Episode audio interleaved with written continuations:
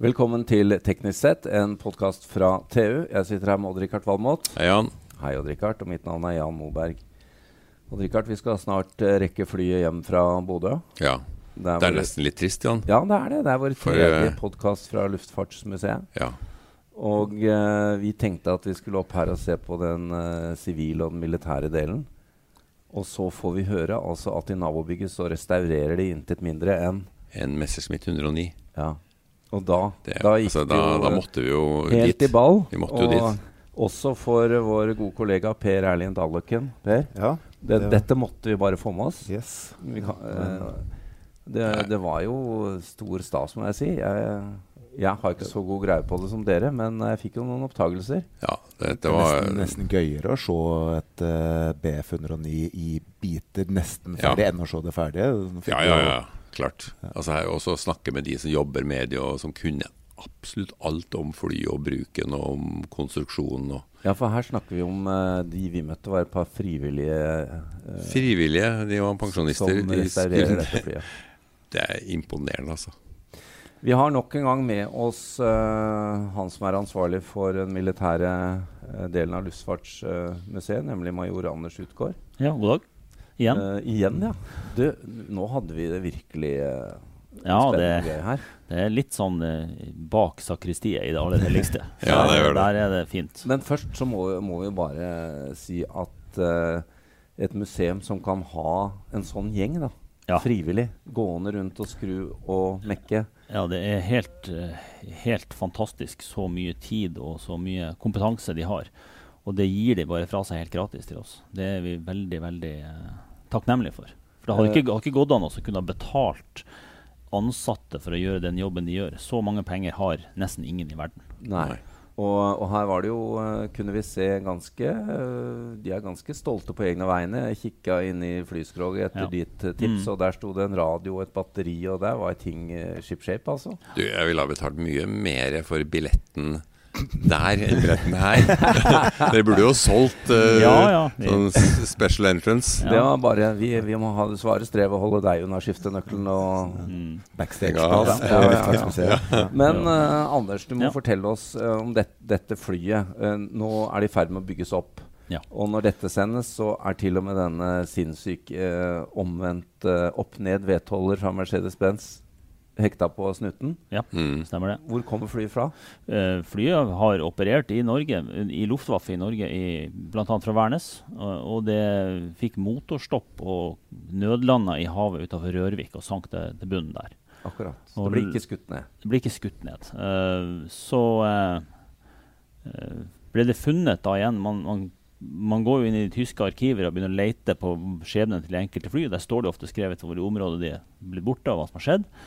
Eh, og så er det jo sånn da at uh, hvis det er en krigsgrav, at det er levninger av mennesker der nede, så er det freda. Da får man ikke røre det. Så man er avhengig av å finne en relativt sikker indikasjon på at det ikke er folk igjen.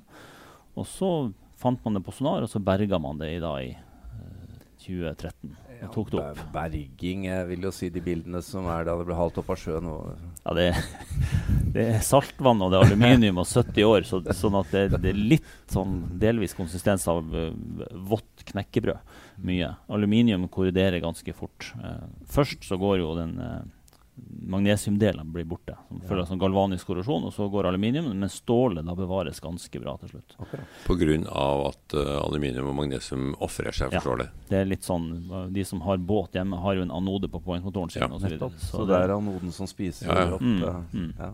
Uh, men mye var jo brukbart. Og vi prøver jo å bruke de originale delene der vi har de. Og siden det ikke skal fly igjen, så kan vi akseptere at det er litt hull i plata her og en ribbe der.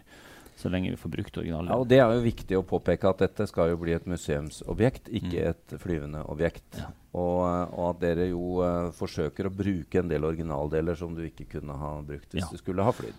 Hvis du skal fly, så stilles det jo sterke krav til sertifisering Mm. og eh, prosedyre og utdannelse, og Luftfartstilsynet har eh, noe de skulle ha sagt og sånt. Så, så det blir en helt, helt annen sak å et flyvende fly.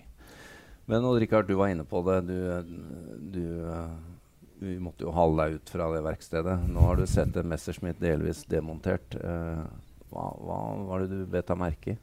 Liksom, eh, Altså, jeg har jo sett eh, ME109 på flere museer før. Altså, de, England har jo flere av de. og Det er jo noe helt annet å se det sånn i deler på en måte her. ja. For at de, Når du liksom får over aluminiumsdekslene på motoren, liksom, så ser du ikke den noe mer. Nei. Vi så jo motoren. Ja visst. Vi så jo det hølet gjennom motoren hvor kanonen avfyrte, ikke sant? så den kom ut uh, gjennom snuta på propellen. Ja, fordi de har kanon, altså. Ja. den Det er en, en Gustav-versjon, er det ikke det? Den har, uh, har vel noen eh, Har ikke noen maskingevær oppå? Den har på maskingevær oppå også, men Ja. den har en 20 mm-kanon som skyter gjennom, Gjennom gjennom, Gjennom motoren. senter av propellen. Gjennom motoren, da. Ja, det, det er fantastisk. Ja, for det, det, med- her har du en Mercedes-Benz V12 Ja. Som står på huet. står på huet. Ja. Og det gjør at det er med på å gjøre at du kan få denne her gjennomføringen, så du kan skyte fra midt i propellen. ja, det må jo være litt av filosofien på, Ja, på det. eh, eh, tyskerne hadde jo også Heinkel 111 og også Junker 78 hadde opp, opp ned V-motorer. Så de hadde Ja. litt forkjærlighet for det. Mm. Uh, men det, det de gjør, er at mellom V-syl- altså, i, i V-en mellom sylinderne så blir det jo egentlig tomrom. da. Ja. Det kan du utnytte. Det kan du utnytte. og Der må man pakke inn noe, typisk. Eh, Og det man da kan pakke inn, det er en maskinkanon.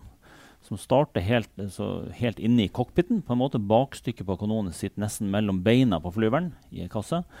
Og så ligger mekanismen til kanonen foran torpedoveggen. Og så går da pipa på kanonen, eller løpet på kanonen går gjennom denne veden og kommer ut gjennom et hull midt, på midt foran på propellen. Mm. De var relativt godt bevæpna her. Ja, den her er en veldig spesiell versjon, fordi at den hadde også eh, ekstramonterte 20 mm-kanon under vingene. Slik at den hadde tre 20 mm og to 792 maskingevær. Så selv om denne flytypen ikke er så uvanlig rundt på andre museer, så er denne versjonen sjelden. Versjonen er sjelden. Eh, Og så regner jeg med at historien er viktig for dere i museet. historien må Ja. fortelles. Per, jeg så du sto og snakket med disse restauratørene lenge. Holdt jeg på å si. Restauratører. det, hva, hva, hva tar du med deg videre?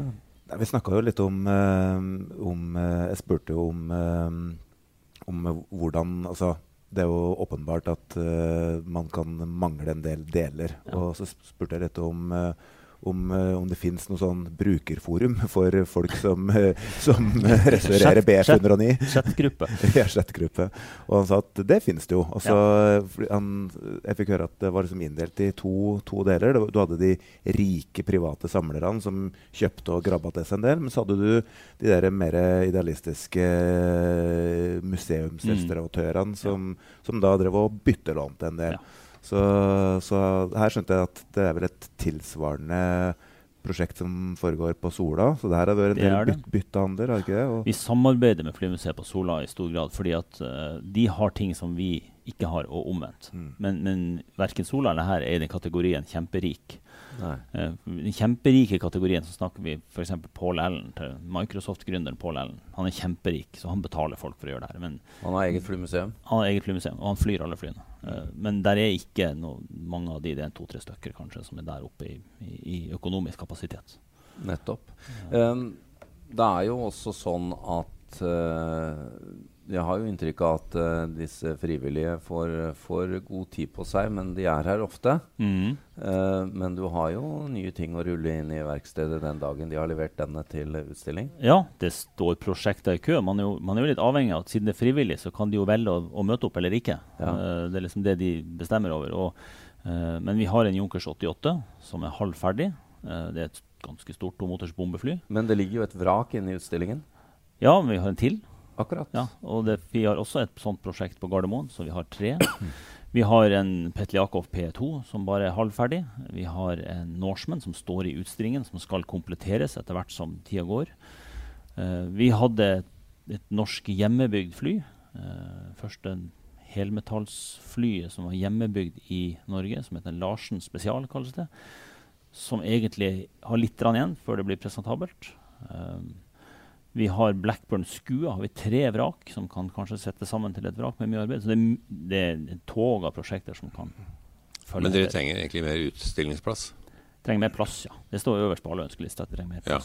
Men det vil jo bli et uh, ganske eh, komplett sånn andre verdenskrig-museum nå som dere får den BF-109-en uh, på Ja. plass? Ja, det er jo det vi ønsker, at vi kunne få et lite, en seksjon av utstillingen som blir andre verdenskrig. For vi skal, Vår jobb er å fortelle historien om Luftforsvarets innsats.